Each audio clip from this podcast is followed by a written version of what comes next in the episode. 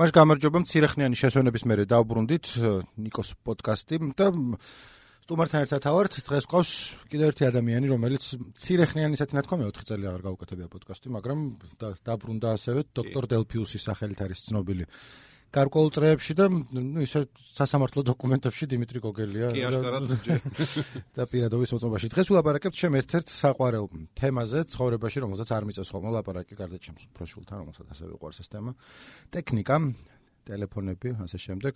და თვლებით სულ ახლა 2-20 წამში გეტყვი ჩემ მოდი ქუდი გავუშვათ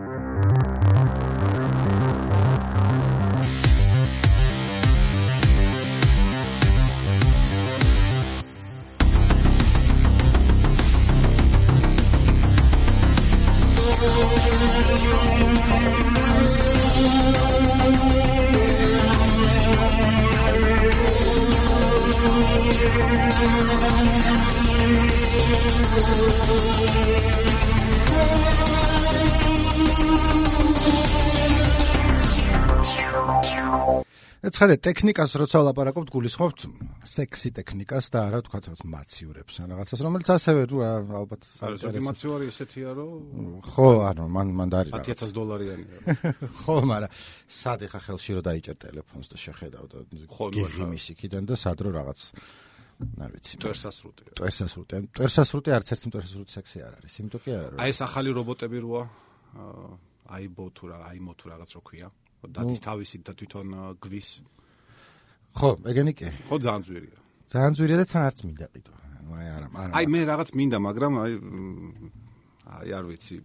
საბჭოთა ხრუშოვკას როგორ მოუხდება სუპერთანამედროვე მტვერსასრუტი ხო აი მაინც მაინც არ წავა ტელევიზორი კიდე ხატავს ხოლმე.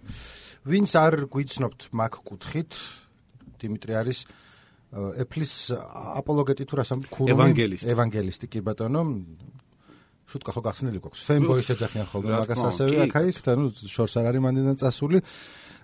თუმცა გვილაპარაკია ამ პოდკასტშიც და ხوار ხოლმე გიჟი პოლიტიკური თქვა რომელიმე მხარის მხარდამჭერები და მე არიან უფრო ზომიერები. შენ ხარ თქვა გიჟი ზომიერია. აი რაღაც ცენტრისტი ვარ უფრო ხო. მე ვარ უფრო ან თქვა კონკრეტული ბრენდის ევანგელისტი არ ვარ ტელეფონებში Android-ის კაცი ვარ ანუ რაც ვერ წარმომიდგენია რა Android ცუდი არ არის. ანუ ცხადია. და Windows-ი მაყავს, თუმცა ჩემეულის iPhone-ი აქვს და Mac-ი აქვს და ვიყენებ ორივეს და iPad-ი მქონდა დიდი ხნის განმავლობაში და ზეკმა ყოფილი ვიყავი, ეგეთი პლანშეტი Android-ს არ აქვს. ნამდვილად, კი ბატონო. თან mini 2 იყო, ანუ არ იყო, მაგრამ განსაკუთრებულად კარგი, მაგრამ რაც მაგან ცემას გაუძლო ჩემი ჯერ 2 წლის და მე 3 წლის შვილისგან მე დავრჩახთვანებული. მეთქე ყოჩა. ნუ ბოლოს ვეღარ გაუძლო, მაგრამ ნუ კაი ხანი იბრძოლა. და მოდი ვიდრე უშუალოდ გადავიდო ძირთად საუბრის თემა გვექნება ტექნიკის მდგომარეობა დღეს და ხვალ ანუ სადავართ იმიტომ რომ მე მგონი ძალიან არ ვიკამათებთ იმაზე თუმცა რაღაცებზე მოგვიწევს კამათი რომ ცოტა პლატო ქვია თუ რა ვიცი რა ქვია ისე კარგად აღარ ვითარდება როგორც ბოლო 10 წლის განმავლობაში ცოტა შეჩერდა. შეჩერდა. მე ვიტყოდი რომ შეჩერდა უკვე იმიტომ მაგრამ მანამდე მოდი ჯერ იმ შენ პოდკასტზე გოლაპარაკე რომ დავარეკლამო თავად დოქტორ დელბუსის პოდკასტი არის ერთ-ერთი ყველაზე ძველი პოდკასტი საქართველოში კი 2013 წლიდან დავიწყე. უბრალოდ მანამდე სხვა პოდკასტებსაც ვაკეთებდით ხო მარტო არა. რა თქმა უნდა რამოდენიმე ადამიანთან ერთად. ეს იყო ცოტა ახლა ბოდიში რეკლამის არა მაგიტომ მოგვიყარა კაცო ეს არის. BTFM რადიო ეხლაც არსებობს და იქ ქონდა გადაცემა. პირდაპირ ეთერში გადიოდა და უბრალოდ მე ამ გადაცემის ფაილი 1 საათიანი გამოდიოდა დაახლოებით. იდებოდა ხოლმე პოდკასტის სახით. ჩვენ ვერ ვიტყვით რომ ახლა პიონერები ვიყავით, მანამდე იყო 1-2 ადამიანი, ვინც აკეთებდა პოდკასტს, მაგრამ ძალიან ცოტა ადამიანი თუ უსმენდა ან იცოდა და ნუ შეეშნენ მე ისინი ამას. იცი მან თუ პერსპექტივა რო იყოს, ანუ მე კარგა რამდენიმე 3 წლის მერე დავიწყე თქვენს მერე და მე პიონერს ვამბობ ხოლმე ჩემ თავს. ანუ არა იმიტომ რომ თქვენ ნუ ბლოკავთ, მაგრამ ჯერ ჯერ კიდე არ განვითარებულა. ჯერ ეხლა ხვალ რო ვიღაცამ დაიწყოს ისიც ერთგვარი პიონერი. ნუ ჩვენ საერთოდ მაშინ იურის ხანაში გადავდივართ. პირველი ტალღა დავარ, ხო თუ სექსი. ხო, მაგრამ როგორც წესი, მეორე ტალღა უფრო კარგად ვითარდება ხოლმე, იმიტომ რომ ისინი უკვე გაკვალული გზებით მიდიან და რაღაც. ოკეი, ეს იყო მაინც გადაცემა, მაინც რადიო გადაცემა იყო პოდკასტის სახით, მაგრამ ჩემი პირადი რატომ გამიჩნდა ამის სურვილი? ალბათ იმიტომ, რომ რაღაც ცხოვრების იმ მომენტში მქონდა რთული პერიოდი მრავალი ფაქტორის გამო და ხო იცი, ადამიანები ფსიქოლოგებთან რომ მიდიან, ან ზოგი სასულიერო პირთან მიდის, ვის როგორ. მე გამიჩნდა სურვილი არც ერთთან მინდოდა, არც მეორესთან, რაღაც გარკვეული მიზეზების გამო და მინდოდა ეს უბრალოდ საჯაროდ ველაპარაკა. და ხანახან საკმაოდ ისეთ თემებზე, ძალიან პირადულ თემებზეც მისაუბრია იმ გადაცემებში, რაზეც მე ცოტა საყვედურიც მივიღია ოჯახის წევრებისგან, მაგრამ მინდოდა უბრალოდ დავცლილიყავი. მე ცოტა რომ დავიცალე, მე რაღაც ხან ტექნიკის სფეროში რაღაც ნიუსი გამოჩნდა, ხან რაღაც ამას ვამატებდი, იმას ვამატებდი. მე დავიწყე ილიას უნივერსიტეტში მუშაობა, რაც ჩემთვის და დღესაც იქ მუშაობდა ძალიან მაგარი სიტუაცია და იმაზე საუბრობდი ახრთოვანებული მომწონდა და დღესაც მომწონს რასაკვირველია. მე აი ცეცხლი რო ჩაქრება რაღაცნაირად გამინელდა ეს სურველი, იმიტომ რომ რაღაც სხვა ინტერესები გაჩნდა, სხვა გასართობის საშუალებები გაჩნდა. რამდენი ხანი აკეთებდი? ერთი, კაი, ერთი. აა ორი ორი ორი წელიწად ნახევარი დაახლოებით ვაკეთებდი ყოველ კვირა გამოდიოდა ერთი დაახლოებით 20-30 წუთიანი გადაცემა. ხანახან 40 წუთიც იყო ხოლმე. და გუშინ, უბრალოდ ამ წლის დადგომიდან მქონდა მოფიქრებული, მაგრამ იქ გუშინელ გადაცემაში მეც თქვი რომ აი იდეალურად რომ დაალაგო მთელი ინსტრუმენტები რაღაცეები და ეს ჩუმი ოთახი მითი გუბკებით ხო როგორც ახლა პროფესიო ესე არასოდეს არ დაიწყებ. ავდექ ეზოში ჩავედი შესვენებაზე დავჯექი ილიას ბიუსთან და ჩემთვის ჩავწერე რა. და გადავწყვიტე რომ შემდეგი გადაცემით მუდმივად იქნება ქუჩიდან. რომ ქუჩის ხმაური იყოს აუცილებლად დადებული. იქ რაღაც ბავშვები ითამაშები, შეიძლება პარკში ვიჯდე, შეიძლება სადღაც ვიჯდე, რომ რაღაცა ეს სიცოცხლის მომენტი ჩანდეს და არ ვიყო რაღაცნაირად შეკუმშული აი ამ სტერილურ პირობებში. არ გამოვიწყო რომ შეიძლება ეს მონოდან მეરે გადავიდეს რაღაცა საინტერესო ვიღაც ხალხსაც ვესაუბრო, ვიღაც მოვიწვიო. ნახოთ. ხო, კარგი. ყოველ შემთხვევაში ახლა მოაქვს შემართება და ენერგია რომ მინიმუმ 1-2 წელი კიდევ ვაკეთო. ხო, ტალღებად არის ხოლმე მე საკუთარი გამოცდილებიდან თუ რაღაც ხანი შეხარ რომ მე დავაი დავაი და მე არის ერთი ორი კვირა ჩემთვის სამსახურიც არის ესეც ამიტომ ეს ორი კვირა მაინც გიწევს ხოლმე მე რეკეთება რაღაცა და ეხლა რომ მოუბრუნდეთ ბოლო კაი ხანია უკვე ამდენიმე თვე iPhone X S 10 S 10 S Max და 10 R ძალიან უცნაური სახელები აქვს კი. ხო და აი მაგან დამაფიქრა მე იმიტომ რომ მიუხედავად რომ Apple-ის მომხმარებელი ნაკლებად ავარ ტექნიკის განვითარების კურსზე ხატა ნუ მოყავს ტელეფონს რაც შეეხება ხოლმე აი iPhone-ი გარკვეულწილად დღემდეც კი. ხო დღემდეც. ბევრ რაღაცას რასაც აკეთებენ თქვა კურსაც ვამის ჯეკი მოაძრეს და მე ყველა მოაძრეს. ერთმანეთს Sony მივარდა და გამოგლიჯა იქიდან იმის და მიუხედავად რომ ჩვენ ახლა ლაპარაკი გვექნება ნახევრად მოკლედ მოყვარულებისთვის გასაგებენაზე რაღაცებს აღარ აუხსნი ხოლმე რა ელემენტარულს მაგრამ ამას მაინც მომიწევს ახსნა რომ ყურსაცმამის ჯეკის ბევრისთვის მათ შორის დიმიტრისთვის ეგ არის უკვე განვლილი ბრძოლა ან თქვას რომ მოშორდა და ნუ ნუღა მისტირით მაგას მე მათ შორის ავარ ვინც მისტირის იმიტომ რომ ვერ ხედავ რა მოვიგეთ ამით ეფლი ამბობს რომ რაც უფრო დიდ სენსორს ჩავსვამთ იქით თქვა OnePlus-მა უფრო ელემენტის ზომა გაზარდა მაგის ხარჯზე მაგრამ ნუ აა ჩემთვის არის და ბოლოს და ბოლოს არის Bluetooth-ი. კი ვიცი რომ მელომანებს რაღაც აუდიოფილებს bluetooth-ი ესეთი არსებობს კაბელები და რაღაცა. ჩვენ ვინც არ ვართ ეს მელომანები ვისაც გვაქვს ვისაც ყურზე სპილომ და გვაბიჯა და ჯოგმა გადაირბინა პრინციპში და 200 ლარი არ გერანებათ მაშინ როცა თქვა 40 რატომ მე 20 დოლარიანი bluetooth ყურსასმელი მაქვს რომ მე მაკვაყოფილებს ო და მე რა უნდა ტენო და ისე. მოკლედ არ ეგ ეგ ის არის უაზრო ეგ უკვე ის არის რომ შენ შენი აზრი გაქვს მე ჩემი აზრი ხო რა მე ხარ ვიძახი რომ ეს აბსოლუტური ჭეშმარიტ რა საკურველი არა? აი დანარჩენი რაც მოხდა 10-ის იტერაციებთან დაკავშირებით იყო მე მგონი Apple-ის მოყავრულებით ცოტა იმ ერთად იმედგაცრუებულები იყვნენ მეორე მხრივ აბანუ აი რაღა გინდა რომ გააკეთოს იმიტომ რომ აი ნახე თქვა ჩემ მეუღლის მინოდა რომ დაბადების დღეზე მეყიდა iPhone და ფიქრობ ამის ფული არ მაქვს ხა არჩევანი მქონდა საბოლოო ჯამში 8 მეყი და 8 პლუსი თუ 7 პლუსი. ვიყიდე 7 პლუსი, იმიტომ რომ ბევრად იაფი იყო და საერთოდ ვერ მივხვდი 8 პლუს გარდა უფრო სწრაფი პროცესორისა. რა უპირატესობა ქონდა ერთი და მეორე ის სწრაფი პროცესორი 7 პლუსიც ძალიან არა არაფერს კიდე უახლოეს 3 წელი არაფერი არ დასჭირდება. ჩვენი შეხედავთ, კაი ტელეფონია, ორი კამერა აქვს უკან, ამიტომ 800 მერჩივნა და რავი ამ სისტრაფეს რა აზრი აქვს თუ ნებისმიერი აპი რაც უნდა ჩართო დაწყებული ინსტაგრამი და დამთავრებული აქვს PUBG არის ალბათ აი სტორზე არ თამაშობ ჩემი ცოლი მაგრამ ნუ მოუნდეს თამაში ითამაშებს და არ არის გაცობით პროფტული გრაფიკული თამაშები შეიძლება მაგრამ არის ესეთი შეთქმულების თეორია რომელიც ახლა ცოტა რთული დასაჯერებელია რომ Apple და ნუ სხვა კომპანიებიც წინა თაობის მოდელებს ანელებენ ასე რომ რომ გაყიდვები, თავარი გაყიდვები, ხო, თავარი ფული. შეთქმულება, ანუ ნაწილობრივ დაადასტურა კიდევა ცეფმა, რომ ბატარეის ხარჯზე რაღაც ზუსტად არ ვიცი რა ხდებოდა, მაგრამ რამდენი ის აკუმულატორის დეგრადაციისთან ერთად ხო ანელებს და რაღაცა. მე გამოცვალე აკუმულატორი, მაგრამ სიჩქარეს არ მოუმატი არანაირად. ასე რომ ვერ ვერ გეტყვი. მაგრამ აი მაგის მიღმა თქვა გამოვიდა 7 იყო, როდის 3 წლის წინ იყო თუ რა. მაგის მერე გარდა იმისა, რომ ვიზუალურად ეს iPhone 10 არის სხვანაირი და აი კი მართლა საკამათო არ უფრო ლამაზია თუ არა ვიდრე იყო, რომ მე ნოჩი ნოჩი არის ზევიდან რომ აი iPhone 10. ზოგი კონსოლს ეძახი, ზოგი წარბს. ქართულად, ხო? რომელიც პრინციპში ყველა ვიცი, რომ დროებით იმოვლენა, იმიტომ რომ რაღაც დროს 1-2 წელს მერე აღარ იქნება ალბათ. აი, რთული სათქმელია, იმიტომ რომ წინა კამერას სად წაიღებ? ხო, ნა მაშინ ეკრანიდან უნდა ამოდიოდეს, ზოგადად ერთ-ერთ ჩინურმა კომპანიამ გააკეთა მასე. რამდენად ეს ახლა ესთეტიურად ლამაზია, ან რამდენად გამძლეა მე ეგეთი ეკრანი, რომელსაც ესეთი ნახრეტი აქვს ზემოთ, ვერ გეტყვი. ნახრეტი ეხლა აქვს, ანუ Huawei-ის ერთ ტელეფონს აქვს, რომელიც უკვე გამოსულია და Samsung-ის Galaxy S10, რომელიც გამოვა თებერვალში, იმას ექნება ნახრეტი. ჩამქრალზე უფრო მომწონს ვნახე სხვა სხვა ვიდეოები Huawei-ის, ოღონდ როგორ მუშაობდა full screen-ზე და ნუ არ გავგიშდი ასევე, რა ვიცი. ვეღარ გაგიჟდები, იმიტომ იმდენად ბევრია უკვე ეს ტელეფონი, იმდენად გადაჯერებულია მართლა ბაზარი, რომ ხანდახან მიჩნდება აზრი, რომ იქნებ ყველა მწარმოებელმა ერთი წელი მაინც დაისვენოს. ნუ თავი მოგვანატრო. მაგრამ ეს არის ლაპარაკი აი Apple-ზე, Samsung-ზე, დიდ მოთამაშეებზე. ბოლო 2 წელი, მე მგონი სადავ არ არის, იყო ჩინური აქამდე ისე რა კომპანიების, ძირთად Huawei-ის და Xiaomi-ის წელი და ალბათ შარშანდელი Phone of the Year Award და რაღაცები რო არის ხოლმე, ძალიან ბევრმა მისცა Pocophone F1-ს, რომელიც ღირს 1000 ლარი და ალბათ სრულიად დამსახურებულად, რომ არაფერზე უკეთესი ტელეფონი, ხა Apple-თან ახლოსაც ვერ მოვაცხადია, ვერც ეს 900-დან და ვერც რაღაცებთან, მაგრამ 1000 ლარი ღირს. კი. და ნორმალური ტელეფონია. არა, ხო, ნამდვილად სულს ვერ იტყვი. უბრალოდ ძალიან ისეთი სეგმენტაცია მოხდა ბაზრის. არის უსაშინლესად ძვირი ტელეფონები, ეს არის Apple და Samsung-ი. უსინდისოთ, აი უბრალოდ რაღაცა ხო. აი მეც კი ჩემი ფანბოებიდან გამომდინარეც კი ვიტყვი რომ კი ძალიან უსინდისოთ მაღალი ფასია.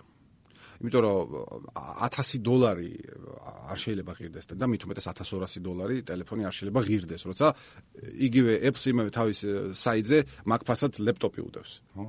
თან მით უმეტეს რომ Apple-ს აქვს ისტორია, თქვა iPhone 4 როცა გამოვიდა, მართლა რევოლუციური 4 იყო, ხო, Retina როცა ქონდა პირველად. რომელიც იგივე გინდა რაც iPhone 3 თავ გამოსულის ეს. ნუ ცირადი განსხვავება. ხო, კი ბატონო. 3G. და ეხლა ყოველჯერზე ამატებენ 350 დოლარს. ხო, აი რაღაც 800 და ანუ ყისეურად ავარდა iPhone 10 რო გამოვიდა შარშან წინ, უკვე შარშან წინია. ყისეურად გავარდა 650-დან 1000 დოლარამდე ფასი.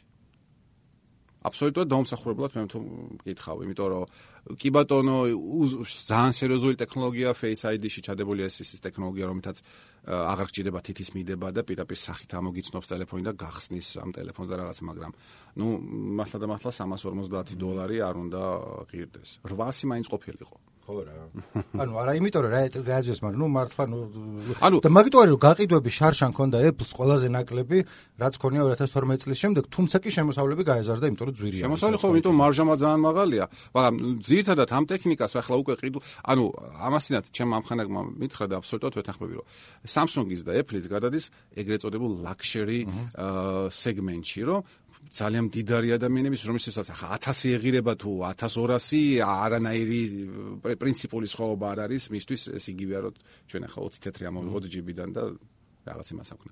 ხო და იმ ის ადამიანები ვინც საშუალო სეგმენტის წარმომადგენლები არიან როგორც ჩვენ ვართ. ხო მათთვის უკვე 1000 1200 დოლარი არა მარტო საქართველოში, საქართველოში ხო მით უმეტეს, მაგრამ უფრო გამვითარებულ ქვეყნებშიც კი სერიოზული თანხაა. და ის ორჯერ და სამჯერ დაფიქრდება, სანამ იყიდის 1200 დოლარიან ტელეფონს. მით უმეტეს, რომ თუ შარშანდელი და შარშანწინდელი ეგრეთებული ფლეგშიპები ჯერ კიდევ ისეთივე სწრაფი არის, როგორ ანუ არაფერს იგივე საკეთებს და თან პლუს არის ну 500 დოლარიანი ტელეფონები, რომლებიც ხშირად თქვა ტელეფონებზე მილაპარაკია ხალხთან, ვისაც მაინდა-მაინც არ ესმის რა განსხვავება აი რა განსხვავება რას აკეთებს შენი ტელეფონი, ისეც მე არ მაქვს აი ტელეფონი Huawei P9 მაქვს, მაგრამ ნუ მექნება უკეთესი, მაგრამ რასაც ჩემი არ აკეთებს და არ და დაახლოებით იქ რომ მანქანაზე რო იკითხო რომ აი რას აკეთებს Porsche ისეც რასაც არ აკეთებს ჩემი რაღაც Golf 3 არაფერს დადის ორივე მაგრამ ნუ ხო არის Opel Vectra არის ხოლმე ჩემთვის ესეთი ხო. ხო ხო, ყველა დადის, ორივე ორივეს 4 ბორბალი აქვს. აქაც იგივეა, ხო? რეკავს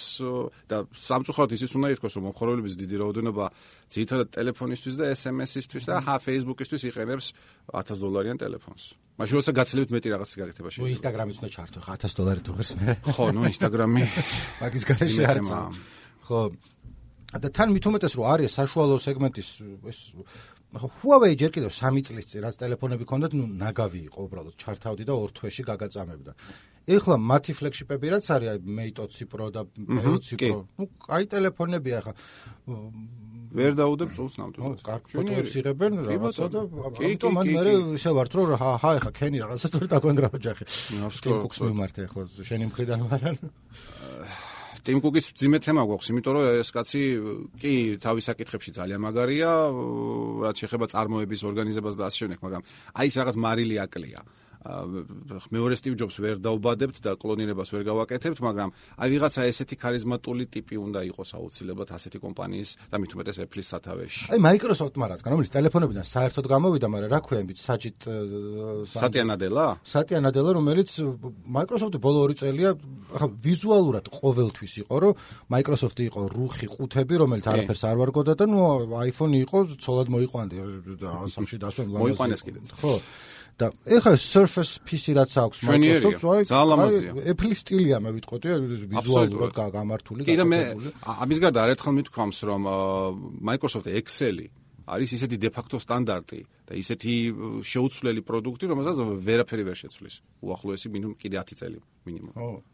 და ხო, იმიტომ რომ მოგიყვანო რომ Apple-ს ვაგინოთ, მაგრამ ძალიან ბევრი რაღაცა თქვა, იგივე iPhone 8, რომელიც რისთვის გამოვიდა, იმიტომ რომ მანამდე iPhone 7-ია, რომელიც ზუსტად ეგეთივეა შესახედავად, აქეთ iPhone 10-ია და აი 8 რო იყიდო, რა რატო უნდა იყიდო? ცოტა ღარიბი ხალხისთვის, ეგეთ პონჩი. ალბათ, მაგრამ მაშინ 7-ს იყიდიან, თუ ცოტა ღარიბია, როგორც მეუბნები. აი, ეს ახალია უფრო გესმის. ეს მომენტიც ხო არსებობს, აი სიახლე გინდა სულ მუდმივად. ხო, მაგრამ ხო არ ეტყობა რა. აი, გვერდი გვერდს. არა, არ ეტყობა, არა, ის ალუმინის корпуსით არის, ეს შუშის корпуსით და ჭყვინავს. ხო, ეგ აქვს კი. ასევე თავიდან რომ გამოვიდა iPhone XR-ზე იყო რომ აი ეს იქნება ყველაზე არ გაიყიდა ისე როგორც საერთოდ სულ ყველა 10-ერი მე მქონდა გამო გამოვართვი ერთ-ერთ კომპანიას თბილისის და ერთი კვირის განმავლობაში მქონდა და ძალიან კმაყოფილი ვიყავი. აი ფასიც პრინციპში რო ავიღოთ ის 750 დოლარი, ნუ რაც სტანდარტ ამერიკული ფასი, ქართული ფასებით ნუ ხო აა მიმაჩნია რომ შეიძლება ამ ფულის დახარჯვა ამ ტელეფონში. მე რა მე რა რომ OLED ეკრანი არა აქვს, ერთადერთი ეგ იყო სხვაობა და ერთადერთი და კიდე ის რომ ერთი კამერა აქვს ეს ხო. დანარჩენი აბსოლუტურად ყველანაირი პროცესორი მეხსიერება ყველაფერი აბსოლუტურად იგივე აქვს და ძალიან კარგი ტელეფონია. და მე თვითონ გითხო უფრო ლამაზია ვიდრე თავისი უფრო ძვირიანი და დიდი ის აი ფერადი კი მე მარჯნის ფერი ავიღე სპეციალურად ძალიან მომეწონა. ძალიან კაი ფერი იყო. და აი ძიმე მე მიყვარს ძიმე ნიფთები ასე ვთქვათ ეს ბუმბულივით მსუბუქი ეხლა ეგეთი iPhone 6 მაქვს ძველი ძველი და ძალიან და სპეციალურად ჩიხოლში შალითაში მიდევს რომ ცოტა დამძიმდეს იმიტომ მივარდება ხელიდან. და ეს ისეთი კარგი იყო რომ აი მიაჭედებ კიდეც ლურს მას კიდე. ეგ აი მე 10 ერი ამჭერ ახლა შენ 10 მქონდა და ნივთიან რომ შეხედავ ამან ღირს 1000 დოლარია და თავისი რაღაც ყველაფრით. მაგრამ მინუსი ის აქვს შუშის სენდვიჩის დიზაინი რაც არის რომ მე უნდა ჩადო რამეში იმიტომ რომ 1000 დოლარი რო ღირს და რო დაგივარდეს ხო ხარ რა და გემართი სიფთხილე საჭიროა რა თქმა უნდა ხო მაგრამ მე სექსუალურობას კარგავს ეს რაღაცაში რომ ეს დამჭირვალეებიც არის ხო და თან ხა Apple-ზე ვლაპარაკობთ მაგრამ Samsung-იც იგივე შეება იმიტომ რომ ეს ხრა დაახლოებით იგივე არის ეს უკეთესია ბაზარი არ არის მაგრამ ნუ ვერც გაარჩევ მაინდა მაინც. ესაც გაარჩევ იმიტომ რომ ნახრეტი აქ ერთი კამერით ჯერ არ გამოსულა მაგრამ ხა გამოვა მაგრამ და დისპლეიზე აქვს fingerprint sensor. თითის ანაბეჭდი, ხო? რომელიც ვინც ამბობს ახლა OnePlus აქვს, მუშაობს, მაგრამ ისეთ სწრაფი არ არის, როგორც არა, ვერც იქნება რა საკურველი, იმიტომ იმენ ფენა უნდა გაიაროს. ხო და ახლა მე Samsung-ი ადრე ცოტა ვიყავი Samsung მოძულე პიროვნება, მაგრამ ბოლო 1-2 წელია აღარ, იმიტომ რომ რეალურად დავინახე რომ ტიპებმა იპოვნეს თავიანთი დიზაინი. ჯესეთ. მაგრამ დებს პარავდნენ სულ ხო? კი, რეალურად უნდა ახლა როგორც ამდა მაგინოთ, სვენელებმა რეალურად ეგრე იყო. შემოხაზავდნენ და ეგ იყო. რეალურად იპოვნეს თავის დიზაინი, რომელიც ძალიან კარგია, ძალიან ნორმალურია. აა მეც კი მომწონს, უბრალოდ, ნუ მე გარკვეული მიზეზების გამო უკვე ვერ გადავალ Android-ზე. აა არა თუ Samsung-ზე, არა საერთოდ, მაგრამ Samsung-ეს ძალიან კარგი ტელეფონია. უბრალოდ მათ კიდევ ერთ რამე კლავაც ბაძავენ ერთ რამეში Apple-ს, ფასებში. ხო. ხო, აი მე ეგ არის და ეგ. და ერთ-ერთი აი რაც არ მესმის, ისე იქნება შენ მითხრა, იმიტომ რომ ბოლო ეს რბოლა იმაზე რომ მთელი ეკრანი იყოს მარტო ეკრანი და არაფერი სხვა ეკრანის გარდა რამაც გამოიწვია ეს კუნძული თუ რასაც წარბი თუ ეს 900 და ეს 900 პლუს აქვს ზევიდან პატარა ზოლი რომელიც ვის მოხვდა თვალში აი რაში გიშლის რატო არო იქ გამოჭრილი იყოს რაღაცა. ხელში რაც დამიჭეროს არ მქონია ხა ეს რა არ მიხმარია მაგრამ ნუ არ არ არ მიფიქრია რომ ვაიმე დედა ეს ზევიდან ნეტა ეს პატარა ზოლი არ კონდეს და ხელს შემიშლის და აი უბრალოდ ეგ ტრენდია ისიც კვლავ ეფლის საერთოდ ზოგადად აი მე მგონი არასდროს ვითარდება კონკრეტულად მობილური ტელეფონების ბიზნესი იმიტომ რომ იმის ნაცვლად რომ ავტონომიურობაზე იზრუნონ, რომ ტელეფონმა როგორც ფანრიანი Nokia ერთი კვირა რომ მუშაობდა ერთი დატენვით, თუ ერთი კვირა არა, ერთი 4 დღე მაინც მუშაობდეს და რაღაცა, ამის ნაცვლად ეს ზიზილ პიპილოები ემატება, ემატება, ემატება და რეალური წინსვლა არაფერი არ არის. ხო, ნუ კარგია, თელეკრანზეა, თელკორპუსზეა ეკრანი, ძალიან მაგარია. საღოლ 2 მმ მოვიგეთ, ანუ კი, ხო, ნუ 2 შეიძლება 1 სანტიმეტრიც მოვიგეთ ზემოთქვემოთ, მაგრამ და რეალურად კარგი რაღაცაა, მაგრამ მე ნუ ხარ შეიძლება 5 წელი ამით აპელირება და რაღაცა. აკუმულატორს უქენით რაღაცა, ხო? ავტონომიურობა რო გაიზარდოს. მეტი არაფერი ამ ამ ეტაპზე სხვა ეს იქნება რეალური კომპანია რომელიც დადებს ტელეფონს თანამედროვე smartphones რომელიც 3 4 5 დღე იმუშავებს ერთი დამოხტვით ჩათვალეთ რომ ბაზრის უდიდეს წელს აიღებს. როგორც ამბობენ Huawei Mate 20 Pro რომელიც უძვირესია ასევე, ნუ ფლეგშიპი არის და 4 კამერა აქვს უკან და რაღაცა, ორი დღე თავისუფლად ძლებს თავისი 4200 მAh თუ რაღაც აქვს. არ გამომიყენებია ცხადია როგორც უმეტესობა რასაც ვლაპარაკობ, მაგრამ ნუ MKBHD და ვიღაცები რომ მიხმარია და ნუ აი ორი დღე ჩვეულებრივად გაკაჩავს. 10 ერიც ორი დღე ძლებს. ხო რა. შემიძლია სრული პასუხისმგებლობით თქვა. ორი დღე ცოტაა მაინც. მაგრამ აი საინტერესო რაც იყო აი დიზაინზე რომ შეიძლება ეგეთი არ გქონდეს, მაგრამ აი ტექნიკა რის გამოც გიყვარს, რომ შეხედავ რომ ვა ნახე რა გააკეთეს. ქონდა Xiaomi-ს Mi Mix 3-ა, მე მგონი რომელიც სლაიდერია, ნოჩი არ აქვს კამერა აქვს, უკან კაპასი აკეთებს და ესე Oppo Find-ი იყო, რომელსაც ასევე სლაიდერია, მაგრამ მოტორი აქვს შეგნით და არც ერთი არ მექნებოდა მე, მაგრამ ცოტა გამახსენა ძველი აი Nokia-ს დროს სიმბიანები როცა იყო, სხვადასხვანაირი ტელეფონები იყო სრულიად განსხვავებული. ხო, ყველას თავის დიზაინი ქონდა. N95-ს 17 ხილი ლაკი ქონდა ზევიდან და ოქროს ტელეფონი იყო. ვიდრე მე iPhone-მა არ ჩაძირა მაშინ. ხო, რა თქმა უნდა. მეტყვი სხვა მხრივ ინოვაციები აი რა უნდა უყო, ну кай შუშის ზედაპირი არის და ის არის. არაფერი, ხო, კაი, ნაკლებად ტყდება. უფრო მეტი პროცესორია, პროცესორია ისეთი, რომ მთელ NASA-ს არ ქონდა 79 წელს, როცა თვარეს დასვეს ადამიანი და რა ვიცი, კი ბატონო, ოკეი. სადღა უნდა წავიდეთ მეტი. რა უნდა გააკეთოს ტელეფონი? მაშინ ისეთი რაღაც უნდა გააკეთდეს, რაზეც თქვათ Microsoft-იც მუშაობდა და ახლა Samsung-იც მუშაობს, რომ ტელეფონი გადაიქცეს არა უბრალოდ ტელეფონად, არამედ ის იყოს უკვე პერსონალური კომპიუტერი. მიხვედი სამსახურში, ჩაარჭვე დოქში და თქვა მის ოპერაციო სისტემა უნდა გაძლევდეს საშუალებას, რომ გადაერთოს ის დესკტოპ რეჟიმზე და მიმუშაოს სრულფასოვნად. და მაგეთკენ მივდივართ, მაგრამ ცოტა შორს არის. Samsung-ს აქვს უბრალოდ ერთი ათი წელი კიდე გვინდა. დღესვე შეუძლია გააკეთოს, მაგრამ ცუდად. ხო, ნუ ხო, ცუდად უკვე აზრი არა აქვს. iPad Pro-ს შეუძლია ხო უფრო მძლავრი არის ვიდრე ბევრი Mac კი არა და ძალიან ბევრი კომპიუტერი რაც გავუდეს, მაგრამ მაგ შემთხვევაში ოპერაციული სისტემა რომ USB ფლეშკას რო ვერ შეარჭობ, უკვე ელემენტარულად ფლეშკას გაჭირებით კი შეარჭობ, მაგრამ უბრალოდ ფოტოებს გადაიტან, გადმოიტან, რომ მეტი არაფერში არ გამა. ანუ დახურულია, კი ბატონო, დახურულია. ცოდვაა უბრალოდ, იმიტომ რომ iPad Pro არის ერთ-ერთი ყველაზე მაგარი რამე რაც გაუკეთებია ოდესმე ვინმე, ან ტექნოლოგიურად, ფიზიკურად ულამაზესი. და ეს ოპერაციული სისტემა, რომელიც ხელში გიჭიროს კომპიუტერი კი არა, ნუ 3 წლის წინ top of the line ყველაზე მაგარი კომპიუტერებს ხონდათ ეგ სპეციფიკაციები ეკრანიან ყველაფერი და ვერ აკეთებს იმიტომ რომ iOS არის მობილური. გასაკურებელი რაღაცა ნუ მიდის Apple მაგ მიმართულებით თუმცა მართალია უარყოფენ რომ არ მოხდება ამ ორი საოპერაციო სისტემის გაერთიანება macOS-ის და iOS-ის მაგრამ მე მაინც ღრმათ ვარ დარწმუნებული რომ დადგება ის წერტილი და უკვე იქნება რაღაც OS 11 რომელიც იქნება ამ ორი სისტემის ნაზავი. როდესაც თქვა iPad-ი როცა გიჭირავს ხელში ის იქნება მობილური მოწყობილობა თითებით სამუშაო და როცა თქვა მას მიუერთებ რაღაც dock-ს ან მონიტორს ან რაღაცას და კლავიატურას ის გახდება desktop სისტემა. ისე რა აზრი აქვს? iPad Pro-ს რა აზრი აქვს თუ Angry Birds-ი უნდა ითამაშოს? ჩვეულებრივი iPad-ი იყიდე მაშინ რაც ანუ iPad-ი თანამედროვე ძალიან საკაიფოდ გამოადგებათ გრაფიკოსებს და ძალიან საკაიფოდ გამოადგებათ წერლებს. ადამიანებს ვინც ტექსტთან და გრაფიკასთან ბევრს მუშაობს. აი სხვა ტიპებს თქვა, ჩემნაირ ტიპს, რომელიც თქვა იქ რაღაც სერვერებს აკონფიგურირებს, რაღაც. კი შემიძლია, მაგრამ აი ჩალიჩით და რაღაც თვალებით, რაღაცებით წერლებსაც ასევე გეტყვი, რომ ერთხელ მქონდა მცდელობა, რომ ის კი ძველი იყო, რომ iPad-ს უყიდე ჩასადები, რომ აქ ბარ ლეპტოპი აღარ მინდა და ამაზე დავწერ მეთქი და ну კი დაწერ, მაგრამ ნუ სტანჯვა არის, ცოტა კლავიატურა კარგი თუ არ არის. ხო, ხო. ანუ გარი კლავიატურა ჩვეულებრივ Bluetooth-იანი ნებისმიერ დიდი კლავიატურაც შეიძლება მიუერთო. შეიძლება, მაგრამ სულ სხვა არის, როცა თავისი ისინი რაღაც ის ის შეგზნება არ არის მართალია. და ბარემ რახან მან მივედი ძირთად ეფსო ლაპარაკობს, მაგრამ ნუ ახლა ეგ არის წამყვანი. MacBook-ებთან დაკავშირებით რაც დაემართათ, ასევე სრულიად არასტივ ჯობსური იყო, როდესაც ებს ქონდა ყოველთვის გასაგები, რას კითხულობდი. არის ერთი iPhone-ი, გვაქვს MacBook-ი, MacBook Pro, რომელიც უფრო სქელია და უფრო მძლავრი, MacBook-ი არის, რომელიც უფრო თხელია და უფრო სექსუალური და წაი. ეხა გვაქვს MacBook-ი, რომელიც უფრო თხელია ვიდრე MacBook Air-ი, რატომღაც. MacBook Pro, რომელიც რა ვიცი, როდის არა, ეგ ძალიან აიზილა, ეგ ძალიან აიზილა. მართალი, იმიტომ Steve Jobs-ი როცა დაბრუნდა 97 წელს კომპანიაში, მაშინაც უზარმაზარი ასორტიმენტი ჰქონდათ, პრინტერებსაც უშვებდნენ და მას რა ქვია, ციფრულ ფოტოაპარატს და game, მას რა ქვია, კონსოლებს. და ეს ყველაფერი გადაყარა. და დატოვა 4 კუბიკის პრინციპი, ანუ პროდუქტი არის მხოლოდ 4 ცალი, მაშინ ტელეფონი არ იყო. იყო ესე იგი ორი დესკტოპ და ორი ლეპტოპ მოწყობილობა. ერთი მოყვარულებისათვის, მეორე პროფესიონალებისათვის. დამთავრდა. იყო MacBook-ი, იყო MacBook Pro, ნუ უხეშად რო ვთქვათ და იყო iMac-ი და იყო Mac Pro შესაბამისად მოყვარულებისთვის და პროფესიონალებისათვის.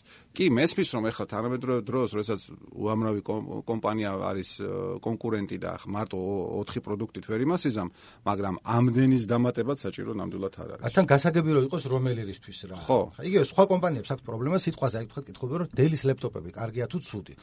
და გააჩნია ხო, მე რაც მაქვს, მე კარგი მაქვს XPS 13, ალბათ თავის სუბუქ 13 ინჩიან ლეპტოპებში ალბათ საუკეთესოა. erguably როგორც იტყვიან, მაგრამ მაგრამ მეორე მხრივ რაღაცა ინსპირონი რო იყიდო რომ 800 ლარად ალბათ არ არის კარგი აი რა სხვა წარმოებებს ახლა 20-30 მოდელი აქვს და მართლა ძალიან ძნელი გასარკვევია და აქ ეხლა არის MacBook-ი არის MacBook Air-ი რომელიც ეხლა ახალი გამოვიდა და Retina ეკრანით არის. არის MacBook Pro 13-იანი MacBook Pro 15-იანი და ნუ ძალიან ბევრია უკვე რეალურად და დატოვეს გაყიდვაში მაინც MacBook Pro 15-იანი ძველი რომელიც მე მაქვს. ხო რომელიც იგივე ფასი იყრის ლამის რაც 20 დოლარს აკლებიან ხო არა არა 300 დოლარია თუ სხვაობა მაგრამ იმას აქვს ყველა ძველი შესაერთებელი USB-ების და რაღაცების და რაღაცების. ამახლებს ეს არაფერი არ აქვს. და არის კიდევ ძველი MacBook-ი არის დატოვეს, რომელსაც აღარ აქვს Retina ეკრანი და ვინღა უნდა იყიდოს, როდესაც არის თუ მაინც მაინც ეარი გინდა იყიდე Retina-იანი 2018 წლის, ხო, მოკლედ ძალიან ბევრი. ადრე იყო რომ ნუ იცი, მოდელს დაიკითხო და იცი რა სკილობ. ეხლა უნდა ნახო რომ ეს Pro რომელი წლის არის და არა მარტო წლის, წლის დასაწყისში თუ ბოლოში გამოშვებული, თუ სხვა და სხვა. ჩემ ცოლს აქვს MacBook Pro 15-იანი უზარმაზარი ვირი 2014 წლიდან, რომელიც ნახმარი ვიყიდეთ, ძალიან ძვირად მაინც, მაგრამ ну მუშაობს დაუღალავად და კიდე იმუშავებს კი კარგად აი ჩემ თვალსაც 10 წლის ლეპტოპი აქვს ახლა 2009 წლის MacBook Pro რომელიც ჩვენივრად მუშაობს ათან ჩემ გრაფიკული დიზაინერი რაღაცებს აკეთებს ხა და არ ჩერდება ნუ აკეთებს რა შეიძლება წამის მიასედი მოიგოს სადღაც ამ 5 წამით უნდათ რაღაცებში მაგრამ ნუ არა არა ის იმუშავებს კიდე დიდხანს ეგ არის ეგ სხვათა შორის ახასიათებს Apple-ის ტექნიკას რომ სამწუხაროდ არის ხოლმე აი 2018 წლის მოდელებს რაღაც გარკვეული პრობლემები აქვს მაგრამ ძალიან უმთავრესი ნაწილი კარგი გამოშვებულია, კარგი ნაწარმოებია და ის თუ ერთხელ ჩაირთო და მუშაობს, მუშაობს და მუშაობს. 5S iPhone-ი, რომელიც სახში ჩემთვის ქონდა მანამდე და ეხლა ძირითადად აქვს 3 წლის ბავშვს მიცემული, იმიტომ რომ განადგურებულია, მაგრამ განადგურ მუშაობს, ჩაირთვება და YouTube-ს შეხედავს. მიუხედავად იმისა, რომ არის 4 წლის, ანუ 4 წლის ტელეფონი, ხო, მანამდე ჩემ ცოლი იყენებდა ისე ყოველდღიურად, ეგ იყო ძირითადი დრაივერი მისი. და ეხლა ნუ ხან ძირს დააგდებს და ხან ფაფას ჩაასხამს შიგნიდან რაღაცა და არ არაფერი. აი, ყველაზე მთავარი მუღამი ისა აქვს Apple-ის ტელეფონებს, რომ განახლებები მოდის ძალიან დიდი ხნის განმავლობაში, რასაც აი Android-ი სამწუხაროდ ვერ დაიკვეხეს. აი, ჩემი თანამშრომელი გუშინ გუშინ წინ მეუბნებოდა, რომ ეს 9 აქვს და დღემდე ელოდება რაღაც განახლებას და რაღაც მოსვლას. აი, მე ვფიქრობ, რომ დღეს რომ აი დღეს რომ ყიდულობდე რაღაცას, ალბათ ვიყიდიდი OnePlus 6 იმიტომ რომ რაღაც 1300 ლარი ღირს ახლა აქ აიქ და ძალიან კაი ტელეფონია არა და 6 ტი ცოტა ძვირი ღირს მაგრამ მე ვფიქრობ რომ თებერვალს დაველოდო და იქნება S9 პლუსი ვიყიდო როცა იმის ფასი კიდევ უფრო დავარდება. ეხლა ღირს 2000 ლარი და იმედი მაქვს რომ იქნება 1700-ზე ჩამოვიდეს. კაი რაღაცა დროს თან კაი ტელეფონია მაგრამ ეგ მაჩერებს რომ OnePlus-ის პლუსი ის არის რომ შიგნით აქვს თითქმის stock Android-ი აქვს თავისი პატარა რაღაცა დამატებებით და აპდეიტს იღებს აი როგორც პიქსელები ნუ ეს მე და პიქსელის ყიდვაზე არ გიფიქრია Pixel-ს აქვს როგორც ვიცი საუკეთესო კამერა, აი iPhone-ის ხალხი შემეკამათება ზოგ შემთხვევაში და სამართლიანად ან ზოგი რაღაც. არა, ძალიან კაი კამერა აქვს. ხო, ნუ ამბობენ რომ ეგ ეგ არის ბენჩმარკიო, მაგრამ არ არ მომწონს Pixel-ი. სხვა მხრივ ამბობენ რომ ცოტა ლაგი აქვს აი არა, მე სამცხოთ არ მეხმარია, მაგრამ ზოგადად მომწონს კი. იმიტომ მომწონს რომ ასე ვთქვათ სუფთა Android-ი აქვს და ხო. პირველი პიქსელი Samsung-ის არ იყოს გადმოხატულია iPhone-იდან ცოტა სამარცხვინოთ იმით. ნუ არა უშავს. ხო, ნუ ყველა ვინ არ შვება ხოლმე. ეხა ერთი პერიოდი იყო დიდი აღტკინება სხვა ტექნიკაზე გადავდივარ ორ რაღაცასთან მიმართებაში, რომ აი ეს იქნება ახლა სულ. ერთი იყო 3D ტელევიზორები, რომელიც აღარ არსებობს მაგისისა და მეორე, Apple Watch-ი გაქვს შენ და Samsung-იც რაც უშვებს, მაგრამ ეგეც მაინდა-მაინც არსად არ წავიდა, ხო? არა, მაგას ვერ დაგეთანხმები. აი, რა შეიძლება? მე ვერ ხვდები სამედიცინო კუთხით ვიყენებ პირველ რიგში. ანუ ახლა რადიოში ვერ ხედავენ ალბათ სპედელები და ცოტა წონა მაწუხებს მაგას მეც ვერ ხედავ ახლა ამიტომაც მე მუდმივად ვცდილობ ვივარჯიშო ვარჯიში რა ბევრი სიარული მიყვარს. დღეში 8-9-10 კილომეტრი გამომდის ხოლმე.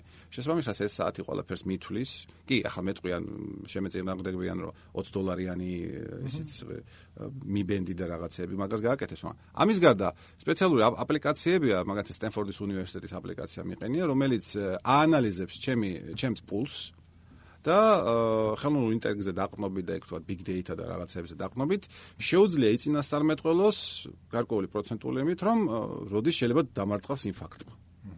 შეჯერობით მადლობა ღმერთს ჩუმად არის და ხმას არ იღებს.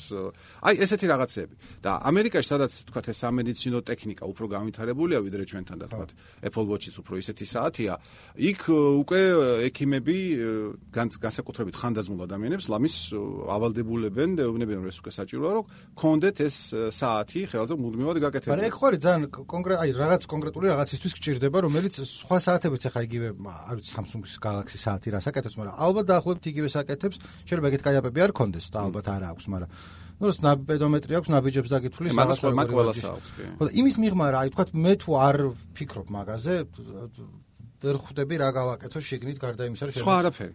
სხვა არაფერისთვის არ გამოგადგება. ნუ ნოტიფიკაციები მოდის, რა თქმა უნდა, იქ SMS-ი რაღაცა რაღაცა. მე ჩვენი არ მოვიდეს ამ ხანახა ხონდა თქვა რომ ვერ ვერ გავიქ. ხო, არ მე პირიქით, მითო ტელეფონის ხმა არ მესმის ხოლმე ქუჩაში და ხელზე რომ ეს ეს არ მესმის და მაგიტომაც არ ვიკეთია საათი რომ ეგრე იყოს როგორც. ხო, ანუ მოკლედ ეს ძალიან თავიდან იყო რა თქმა უნდა დიდი აღდგენება როგორც ჩვენ თქვი, მაგრამ რეალურად ეფლი მიხვდა რომ ამით მასებს ვერ დაიპყრობს და ამიტომაც დაკონკრეტებაზე გადავიდა. ეს არის სპორტსმენებისთვის და ეს არის ხანდაზმული ან უბრალოდ ადამიანებისთვის ვისაც რაღაც ჯანმრთელობის გარკვეული პრობლემები აქვს. ან უნდა რომ მუდმივად აკონტროლებდეს და არის აპები რომლებიც თქვა ინფორმაციას აგზავნის ექიმთან. ჩვენთან არა ისევ ამერიკაში. და ექიმთან მიდის მუდმივად ინფორმაცია ჯანმრთელობის ექიმთან პირადად რომ მიდიხარ ხოლმე მაშინაც ხდება პრობლემები. საათი სიმფოკია.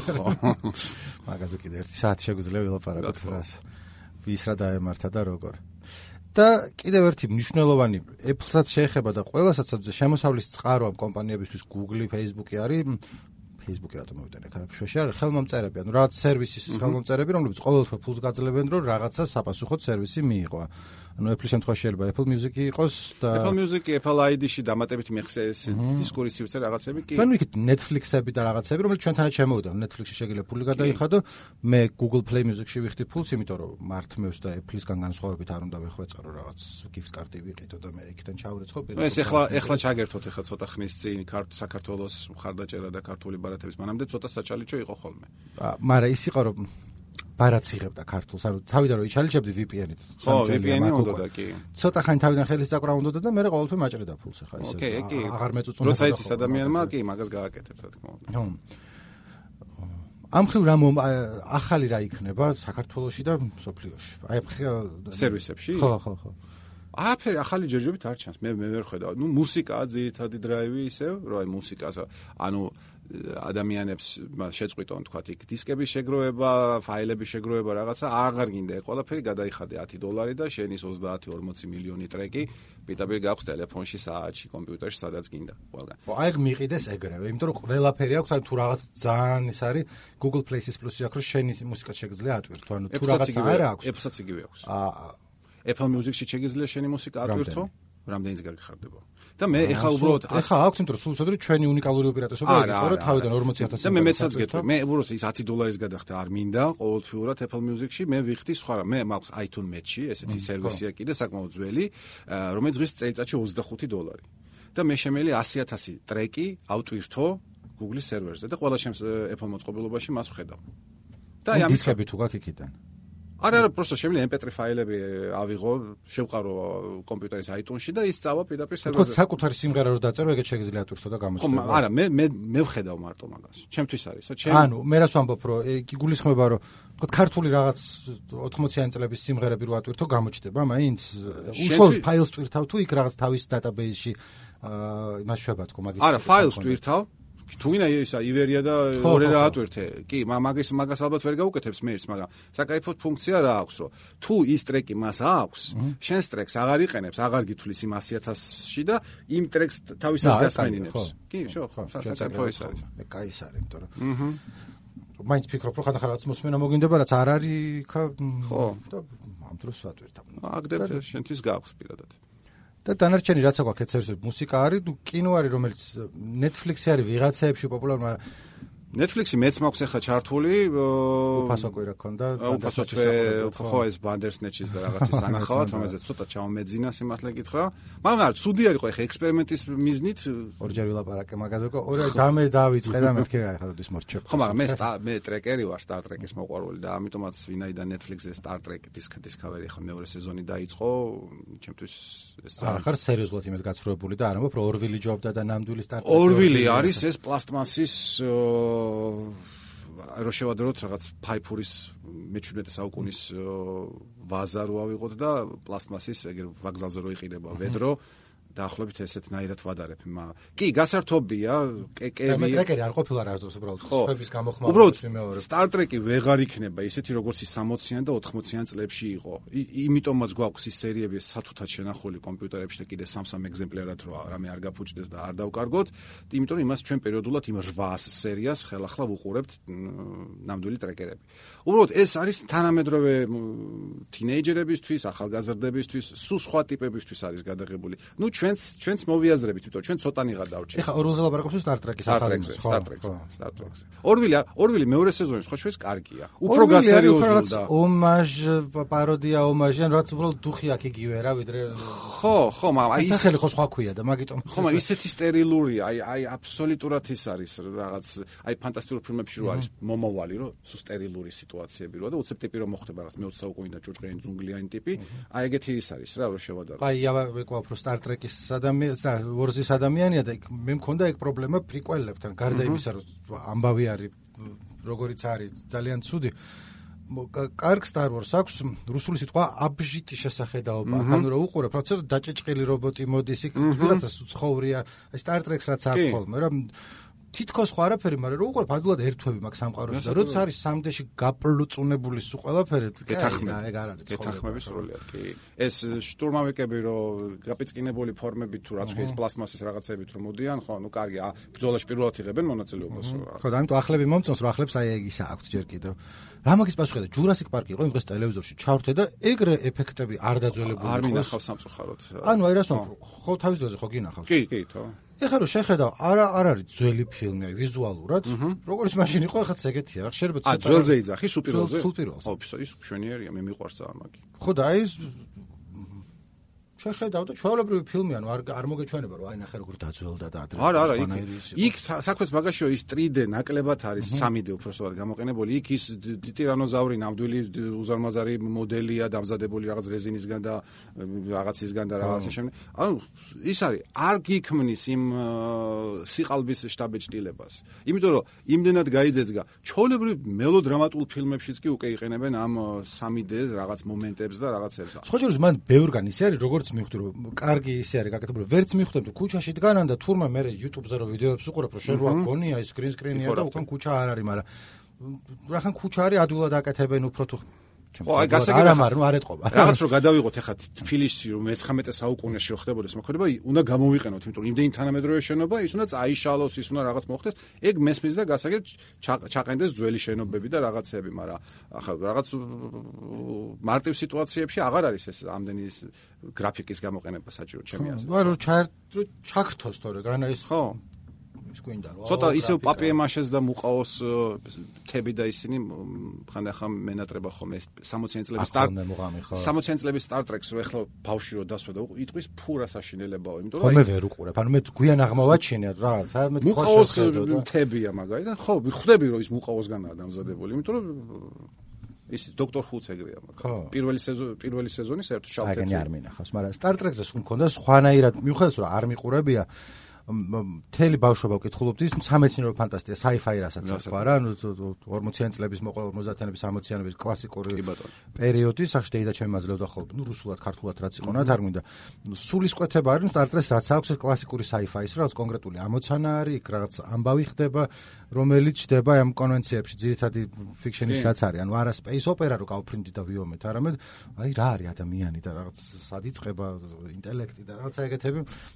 ამიტომ მინდოდა რომ Star Trek-ისთვის მეყურებინა, მაგრამ დაძველება მაგარ მომცა საშუალება. მესმის კი მესმის თუ თავის დროზე გინახავს ხო ნახე, მაგრამ ეხლა რა. მე ძალიან დიდი ხანია რამდენი 1 8 წელია რაც ტრეკერი გავხდი მანამდე არც მქონდა ნანახი არც ერთი სერია და აი რაღაცნაირად უცებ შევედი ამაში ხო რა, მეტო ის აქვს.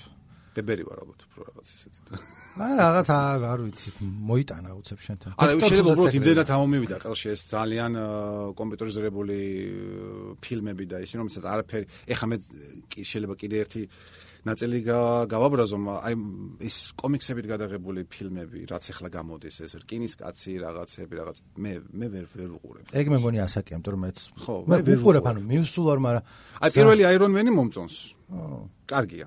აი უკვე ეს დანარჩენი ამდენი ყოველ წელს რომ რაღაცა ხდება და ამდენი გმირი და რაღაც სუპერ ძალები და რაღაცა ცი არის, ეგ არის ძალიან ინვესტიციაზე, იმიტომ რომ მე უნდა იცოდე რომ Civil War-ში რა მოხდა, რომ მე Avengers-ში იმისი Captain America-ს და Iron Man-ის დიალოგი დაამუღამო, რომელიც და ხელი Facebook-ი მოთქვამდა იმან რომ დახოცა იმ ვიღაცა დიდმა მელოტმა ტიპმა ეგ სხვა შორის მაგარი იყო, მაგას უყურებ. შუა Avengers-ი გამოტოვე და ეგ ვნახე რომ მეთქი კაი ხა ყველა მაგაზე ლაპარაკობს, შევხედავ თქო და კაი ფილმი იყო. ეთვინო ჩაო ჩაო არა, ცუდი ფილმი ანუ ისეთია რა, კაი გაკეთებული. მაგრამ აა ვიცი.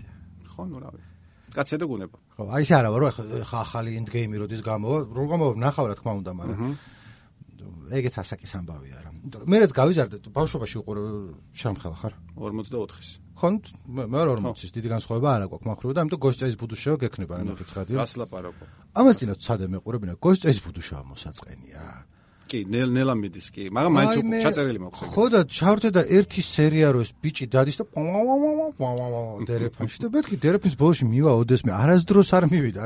რეალურად ერთი ფილმის სიუჟეტია, რამდენი სერია 7 თუ რამდენი ექვსი. 6 ხო. და თავისუფლად სლოვაკური სერიის რო იყო ერთი 10 სერიანი ფილმი იყო მაიკა იყო ესეთი უცხოპლანეტელი გოგო არ მახსოვდა და მახსოვს ეგა ორი ნემსი იყო, ესეთი პრეშ მიადებდი და კამარში რაღაცა ქონდა რაღაც აკუმულატორი და გამოიღებ და ებაშებოდა რა ქვია ამრავლებდა ნიფთებს და რაღაც ეგეც გადმოწერილი მაგზა 1-2 წელი წინათ უყურე. აი სიამოვნება მივიღე უდიდესი სიმართლე გითხრა და კიდე ერთი ჩეხური სერიალი ცოტა ზღაპარივის პონჩია მაგრამ იქ იყო ესეთი ბავშვები და მახსოვდა და ვეძებე ერთი 10 წელი ფილმი.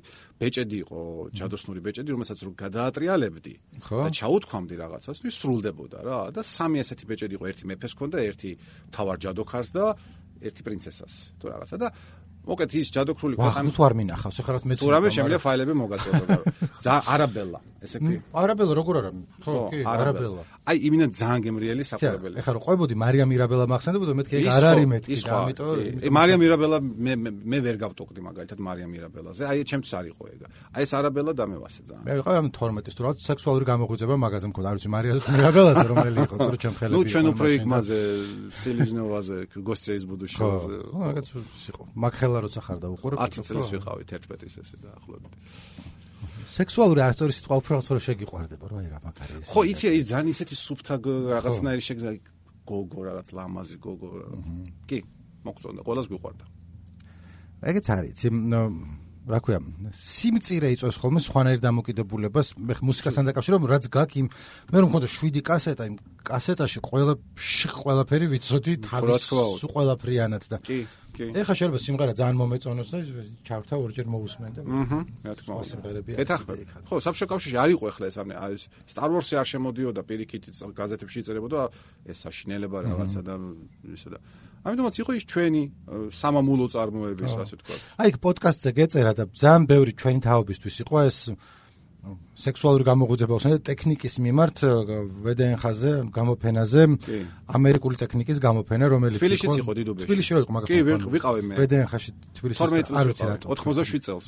ნუ, ანუ მეც ვიყავი მაშინ და მახსოვს ჯერთი რიგები ვინც არის ეს რა იყო იყო 3 საათიანი რიგი გამოფენაზე პავილიონი იყო შედიოდი და იყო რაღაცები ნუ კომპიუტერი იდგა მაკი იყო იქ. მაკი იყო, რაღაც მანქანა იყო, რომელშიც რაღაც მაგარი რაღაცები იყო შეგნით თურმე ვერ მაშინ ვერ დავაფასეეგა და დისპლეი იყო, სადაც თქვა ქალი ხდება აუზში, ოლიმპიურ აუზში და მე თიც დააჭერდა უკან წავა და რეპლეის აკეთებს. რა დღეს შეგიძლია გააკეთო და მაშინ იყო რომ არა, ნუ ეს თან რომ მიდიოდი სახში გატანენ ჟურნალს. დღემდე მაქვს შენახული. სადაც ეფლის მანდლიდან გავიგე. იქ ისეთი სტატიები, იქ ვაფშე აიზეკ აზიმოვზე ესეთი მაგარი სტატია იყო დაწერილი იყო, ხო ალბათ ხო.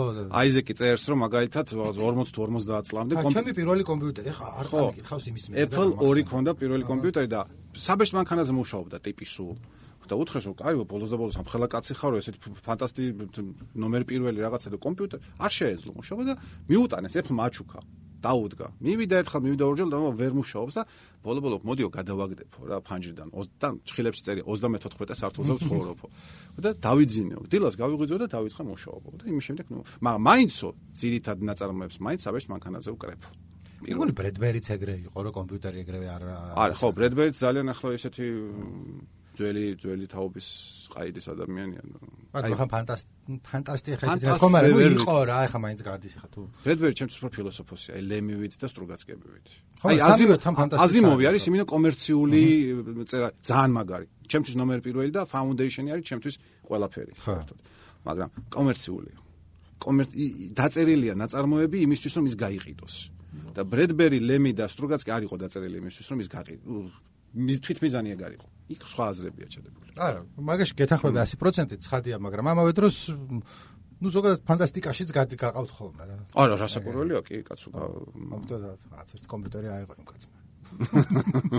გააკრიტიკე მე ბრედბერი. რა დაქვს კიდე ესეთი რაღაც ტექნიკაზე სალაპარაკო, იქ გადმოვყევით ახლა სხვა თემას, იმიტომ რომ ეგეთი კონტი გვაქვს, მაგრამ ერთი პერიოდი ხო აი საიდანაც დავიწყებ იქით გავალბოლში მაციურებიდან დავიწყე და სულ იყო ხოლმე მცდელობა რომ ეს smart რაღაც ტიპების ტექნიკის ჩანერგვა რომლის აზრი მიუხედავად იმისა რომ მეავსება ეს ტექნიკა არ არ რაციონალურად ანუ აი რაღაცები მინდა ხოლმე იმის და მიუხედავად ჭირდება თუ არა რასაკვირველია აი არ მესმის რა ეხლა ვთქვი ხომ რომ ტელევიზორი რომ ექნება საყიდელი smart-ი არ იყოს იმიტომ რომ თუ მაინც ან Chromecast შევარჭოფან Apple TV-სან რაღაცას და Samsung-ი მე უცებ update-ს არ დამიყენებს ისეც რომ ტელეფონი შეიცვალოს მე მაქვს Android ტელევიზორი ერთი სამი წლის წინათ ვიყიდეთ.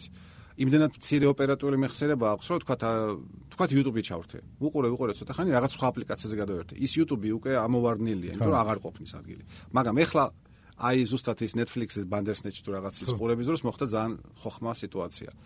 აა ჩავრთე Netflix-ის აკაუნთი, ჩავრთე კომპიუტერი, ნუ კომპიუტერში არ მინდოდა ყურება, ტელევიზორში მინდოდა და Apple TV-ც მაქვს. და Apple TV-ზე კი ჩაირთო Netflix-ი რა თქმა უნდა აპლიკაცია არის, მაგრამ მითხრა ამ ფილმს ვერ უყურებო, იმიტომ რომ ის რაღაცა ტექნოლოგია ხო, რომ ის მაგიო აქ არ არის რომ ხარდაჭერილიო. და შევედი იმ ჩემს ჭყალებში ბანძ Android ტელევიზორში, იქ დავაყენე Netflix-ი და იმან გაუშვა. აჰა. ეგ როგორც წამიკითხავს Apple TV მოკვდება ნელ-ნელა, იმიტომ რომ გადააქვთ ეხლა ხმა მისცა კი Samsung-საც მისცა, სხვა კომპანიებსაც მისცა იმის საშუალება რომ iTunes Store-დან Apple Music-ს უსმინო, ფილმებს უყურო და ასე შემდეგ. სწორი გადაწყვეტილებაა მე თუ მკითხავ. ისევ და ისევ ფულთან არის ყველაფერი დაკავშირებული, ისეთ სამყაროში ცხოვრობ, სადაც ფულია ყველაფრის გამოსაზღვრელი, ცუდია ეს თუ კარგი ამას არ აქვს მნიშვნელობა. ხო და Apple TV ამოწურა თავისი მოცულობა და ანუ ესა Steve Jobs თავიდანვე იძახდა. ეს არის ჩვენი ჰობი. Apple TV არის ჩვენი ჰობი, ვერთობით. გაიყიდება, გაიყიდება, არ გაიყიდება, არაუშავს, პრობლემა არ არის. მაგრამ ვინაიდან Apple Music ჰობი არ არის და ფილმების გაქირება ჰობი არ არის, ხო?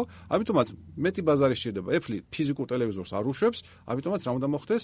იმ ტელევიზორებში უნდა მივიდეს ის, ანუ მუჰამედი თუ არ მედის თვალსთან, თან უნდა მივიდეს მუჰამედი. Google-ს ახლა Chromecast-ში Chromecast იაფი იყო ყოველთვის ახლა თავიდან რომ გამოვიდა 30 დოლარად იყიდია ნაკლებად, ანუ 30 დოლარი არ არის ახლა ესეთი ხარში არ ჭობდა მუშაობს. ან Fire Stick-ი Amazon-ის თუ Amazon-ის ინფრასტრუქტურა. მაგრამ ხო იცი რომ ყველა ეს მოწყობილობები იმ თავის ინფრასტრუქტურაზე არის იდეალურად მოორგებული, ანუ თქვა Apple TV-ს თუ ყიდლობ, Apple TV-დან უნდა უყურო და უსმინო მუსიკებს რაღაცებს, Fire-ის შემთხვევაში Amazon-ის სერვისები უნდა გამოიწერო. ანუ მაინც მიჯაჭვული ხარ. Chromecast-ი ცოტა ის არის, უფრო აპო აპოლიტიკური კერა რა ქვია მაგას. რაღაც, რა თქვია, მოკლედ Amazon Prime-ის გარდა გაუშვებ ყველა ესეთ. და ერთი სადაც Apple ჩამორჩა ძალიან მოულოდნელად, რომ პირველი იყო არის ასისტენტის ტექნოლოგია. ხო, Siri. Siri იყო Apple იყო პირველი, ვინც ეს Siri-ს ნიშნავდა თავიდან iPhone-ში. შემდეგ ჯერ Google-ი წამოეწია, რომელიც Google-ის ძლიერი მხარე არის search-ი და ხო, რაღაც ვერ დააკარგავ ნამდვილად. მე მოულოდნელად არ საიდან Amazon-ი მოვიდა და ნახევარი ამერიკა Alexa Play Despacito-ს იზახის. მანდ არის ძალიან მარტივი სიტუაცია, ჩემი აზრით, რასაკვირველია. კი, ბევრი არ მეთანხმება security. ანუ იმისგან განსხვავებით, რასაც აკეთებს Google და Amazon-ი, როდესაც ის შენს ყველა ინფორმაციას კითხულობს, ნახულობს, თელ შენს search-ების იმას ისტორიის ინახავს და ასე შემდეგ და შესაბამისად ამის საფუძველზე აგებს უკვე ამ ძებნის თავის უზარმაზ და ურთულეს ალგორითმს, Apple იძახის, რომ ჩვენ არ გვინდა ეს ყველაფერი, ჩვენ თქვენს privacy-ს, ხო, privacy-ს პატივს ვცემთ, ამიტომაც რაც ხდება თქვენს ტელეფონში, რჩება თქვენს ტელეფონში. წელს Vegas-ში ის მასე კონფერენცია გამოფენაზე უზარმაზარი ბანერი დაკიდა Apple-მა ის რაც ხდება თქვენს ტელეფონში, რჩება თქვენს ტელეფონში. ხო, შესაბამისად ხევისა, თუმცა გეთახმები 100%-ით, როცა iCloud-ზე გაქვს ფოტოები ატვირთული, ოღონდ არ იცი რომ iCloud-ზე გაქვს ატვირთული და მე რაღაც ჰაკერები გაგიტეხავენ. ხო და გაგიტეხავენ. ხო, ნუ ახლა პაროლი უნდა კარგი შეარჩიო უბრალოდ და არა, ის კონკრეტულ შემთხვევაში პრობლემა იყო, რომ რომლები იყვნენ სელებრიტები, ვინც არ იცოდნენ რომ ატვირთული ქონდათ iCloud-ზე, წაშალეს და იქ მაინც დარჩა, ისა რომ ვერ მიხვდნენ, რაც Apple-ისგან გასაკვირი იყო. ეს არის ორი წლის წინ ლაპარაკი, როდესაც ხო, შიშველი ფოტოები გამოჩნდა. კი ბატონო, მსახიობის შიშველი ფოტოები iCloud-იდან. ხო, და შესაბამისად Apple-ის ასისტენტი ვერ იქნება ვერც Google-ის ასისტენტზე უფრო ძლიერი, ვერც Amazon-ის ასისტენტზე, მაგრამ წელს, უბრალოდ iOS 12-ში Apple-მა დაამატა ძალიან კარგი სერვისი shortcuts. ხო? რომელიც კომპანია იყიდა ერთი წლით ადრე. ანუ ეს არის პრაქტიკულად აი მაგ კონკრეტულ მაგალითს მოგიყვან. მე ძალიან მიყვარს საღამოს სახში რომ მივალ Twitter-ში, Twitter-ის კითხვა. Twitter-ში ძალიან ხშირად ჩდება ხოლმე რაღაც ესეთი კაი ვიდეო, რომელიც მინდა რომ Facebook-ზე ავტვირთო. ისე კი არა რომ Twitter-ის tweet-ი გადმოვიტანო. ჩემი ვიდეო. ეხლა ამისთვის უნდა შევიდე კომპიუტერი გავხსნა იმას ხნა, ну, იმიტომ iPhone-ი არ იძლევა მაგის საშუალებას. ამ შორტკატის საშუალებით ერთი პატარა შორტკატი მაქვს, ამ ვიდეოს ვაწვევი და ის მომენტალურად ჩემს კომპიუტერში, ტელეფონში ვარდება და წუთში პოსტავ Facebook-ზე. კი, შეიძლება Android-ის მოხმარებლობამ ახლა ძალიან ბევრი იცინონ, ბუჰეჰეჰე, მაგრამ აი ესეთი ფუნქცია დაემატა, რომელიც რომელმაც მე პირადად ძალიან გამიადვილა ცხოვრება აი ამ გასართობ მიმართულებაში. ვიდეოებს თუ Facebook-ზე ის რომელიც მე Twitter-ზე მომეწონა. და აი ესეთი ძალიან ბევრი კაი პატარ-პატარა ფუნქციები აქვს. მაგალითად, წონა შემყავს მაგის საშუალებით, ყავა რამდენი დავლე და ის თქვა კოფეინს იმ წუთშიც ჩაწერს Apple. მაგარი რაღაცაა, მაგრამ მაგრამ ცოტა მიკვირს რომ აი Android-ში უფრო არ ახარ ჩართული Tasker-ში და მსგავსი ტიპის აპლიკაციებში. მე არ ვიყენებ საერთოდ მაგრამ Android-ი არ მაქვს საერთოდ. ხო და ანუ აი Tasker-ი არის ტიპი რომელიც ნებისმიერ პირობის შემთხვევაში ნებისმიერ რაღაცას გაგიკეთებს. კი ვიცი რომ Android-ის გაცლებით ფართო ისენია არა აი უშუალოდ ამ Tasker-ს. რომ სამსახურიდან რომ გამოდიხარ email-ს აგზავნის ვიღაცასთან და SMS-ს აგზავნის ცოლთან და გამოვედი რა AFTT არის ესეც სპეციალური სერვისი AFTT-სავით არის. ოღონდ ეს არის Tasker-ის საერთოდ რაღაცა ყოფილა რა. AFTT-ს მე აქტუალურად ვიყენებ. მე ბლოგებზე რაღაცებს რო დებ ხოლმე და ო მე ის რაც წამიკითხავს იქიდან, იმიტომ რომ ვიცი რომ ტასკეს მეტი შესაძლებლობები აქვს, მაგრამ UI მინახავს და სერიოზულად დოქტორი გჭირდება, რომ იყო რომ იქ გაერკვიო რა ხდება საერთოდ. Wolfram Alpha-სავით არის რაღაც. აი კიდევ უარესი არის, ხო. თან აქვს ეს დიზაინის კონვენციები 7 წლის წინანდელი, რომ შეხვალ იქ უნდა არა, ეგეთი რთულიც არ არის საჭირო რომ თქვა PhD კონდეს აუცილებლად ხარისხი რომ მაგაში გაერკვიო. მარტივი უნდა იყოს რა. აი ეს shortcut ძალიან აი სხვა არა ვარ Unix-ის ხალხი ვარ, მაშინ ვარ ყველაფერზე პასუხი აქვს, რომ აი Linux-ი თუ გექნება აქ, მაშინ ნუ არა. problem solved. ეხა პინგვინების სასტავი გაგვიბრაზდება ძალიან მაგას. ისე არის, ხო, არა, მაგ ეგენ შეგვიძლია გაგვიბრაზდნენ. ცოტანი არიან და სუსტები. ანუ ისე ვამბობ. სამგოთ შეუძლიათ სერვერი გაგვითიშონ. თავისუფლად. და რამე დაგვიხაკონ და მე ჩვენი შიშველი ფოტოები გამოაქვეყნა, რაც არა მაქვს გადაღებული, მაგრამ დაგიფოტოშოპებენ. ხო. კაი, რამე ხარ დაგჭა ბოლოში, რამე ხარ გაქვს? მოკლედ პოდკასტი დიმიტრის შეგიძლიათ დოქტორ დელფიუსი ჩაწეროთ და იპოვით. კი, ქართულად არის, iTunes-შიც არის, Google Play-შიც არის, Spotify-შიც არის, Dr. Delphius-ის. ბლოგი გაქვს, G არის თუ? G არის. და უახლოეს ხანში ჩვენ Apple Steps რო გვაქვს ეს საიტი Gemugi და ანუ საქართველოს მაკის მოხარებათა ჯგუფი, ჩვენს პოდკასტსაც აღვადგენთ და ყოველკვირეულად ვისაუბრებთ ამ კონკრეტულ პოდკასტში მხოლოდ Apple-ის თემატიკასთან დაკავშირებით. და იმედია რომ სალაპარაკო არ შემოგელევათ, რატო შემოგელევათ ხარ? ახლა მინიმუმ კრიტიკა ბლომად შეგვიძლია ვთქვა უკვე. კი. დაბოღმელი ტიპების. დაბოღმელი იყო გუშინ ნახის unboxer-ი რო არის, ცოტა არის ხოლმე უსამართლოდ Apple-ის წინააღმდეგ განწყობილი. ცოტა სერიოზულად, მაგრამ ну ის კონდა ახალი MacBook-ი იყიდა, რომელთაც წერდა რომ ბევრი წერდა Twitter-ზე რომ პრობლემებია კლავიატურასთან დაკავშირებით. სწორედ MacBook Pro-ზე თან. კი ბატონო. და ჩართო და ქონდა პრობლემა. ეს რო აჭერდა, იმას შვებოდა და იყო აღშფოთებული ამ. ბოდიში MacBook Air იყო. შენ მაგის э, iPhone 10 რო გამოვიდა, ნანახი გაქვს მაგის ვიდეო. მე მაგ ნანახი 10 არის რო გამოვიდა, წინასწარ ლანძღავდა რომ ესო ეკრანიო როგორ შეიძლება რომ ესეთი პატარა PPI აქვსო და მე სულ ყველა მუთხრა მე MKBHD-ის კაცი ვარ და იმას დაწნარდიო რომ კაი ეკრანიო ხო არის. არა, ის iPhone 10 რო გამოვიდა, ტიპმა გააკეთა მექანიკური ფორთოხალის მუსიკა და э, ტექსტი დაადო ისეთ ისეთი აი აუცილებლად უყურე რა. ძალიან ძველია წელდახევრის სინამდვილე ორი წლის სინამდვილეა მაგრამ ერთ-ერთი ყველაზე საუკეთესო unboxing-ი იყო ჩემი აზრით. ანუ კაი კარგი არის ხო? ძალიან მაგარი. ხო. იცი როგორც ამობენ ადრე უკეთესი ჩანელი ქონდა და მე ნელ-ნელა არა მეც უყურე მაგასაც და MKB მასაც აუს კი ორივეს უყურე MKB კაი ბიჭეთან კარგად იღებს და თან მეასებას კარგად ყვება ხო იცი რა ის არის ფანატი არ არის ეს წყნარი ტიპია და ყველაფერზე ლაპარაკობს ობიექტურად ნუ მაქსიმალურად რამდენადაც შესაძლებელია ხო და რაც არ არის ობიექტური ამბობს რომ მე ესე მგონია რომ ეს არ მგონია პრობლემა მაგრამ შენ თუ აბსოლუტური ობიექტივიზმი არ არსებობს. მაინც რომ რაღაცა მოგწონს ხო შეიძლება ავის ვიყოთ. მაშინ რობოტი უნდა ვიყოთ და ვიტყვით რა აზრი აქვს? ხო რაღაცაა რომ სიტყვაზე ეს კონზული თუ ნოჩი თუ რასაც უძახით შენ არ გაწუხებს, მე მაწუხებს ვიზუალურად. ახლა რა გინდა უყო ამას ობიექტურად რომელი ვერაფერს ვერაფერს ორივე მართლები ვართ. ყურსაცავი ბიჭეკი არ არის შენთვის პრობლემა და ხო არ გაი ხო არ გაიპრობლემებ. ხო, ხო არ ვითვალ მაქსიმუმ რომ აუ, აუ იცი რა საშინლებაა და რაღაც დრამა. იგივე არის ტელეფონებზე თქვა აი OnePlus 6T-ზე ამბობენ რომ შუშის უკავ აქვს, მაგრამ რატო არ აქვს wireless charging-ი? ვაფშე არ აზროს არ მიფიქრა რომ wireless charging-ი შეიძლება კარგი იყოს რომ კონდეს, მაგრამ შეიძლება კარგი იყოს. ნუ პრინციპში სულ ერთია ჩემთვის. საწოლთან ტუმბოზე რომ დადო და მე ხა იქნა ჩაუძრე კაბელი ამოვიღო ხოლმე ყოველ საღამო შევაერთო. რას მე ხა მაქვს USB Type-C სიყვარული ეს ბანძი Huawei რაც ამაქვს Type-C აქვს მაინც რა და ძლივს მეთქი ხვანერს როგორ ცხოვრობდით იმ წინა USB-ზე უნდა გადმოატრიალო და აა ნუ მაგაზე ჩვენ დიდი ხანი Lightning-ს ორივე მხარეს სურათი ქონდა ხო. თავიდანვე ეგრე და წელს ჩვენს გვექნება Type-C ტელეფონებში ვაშა. ხო ძლივს რაღაცა ერთიანი ის ქონდა. იმიტომ რომ ახლა iPad Pro-ს აქვს უკვე Type-C. ხო და ეხლა ვიღებ review-ზე და დავწერ მაგასაც ძალიან კაი მოკლედ ახლა თქვით სად შეგიძლიათ დიმიტრის მიადევნოთ თვალით და მოჩვევით ამ თირე. რა რა გვაქვს ალაპარაკო? მადლობა რომ მოხვედი. კაი, დიდი მადლობა. კარგად.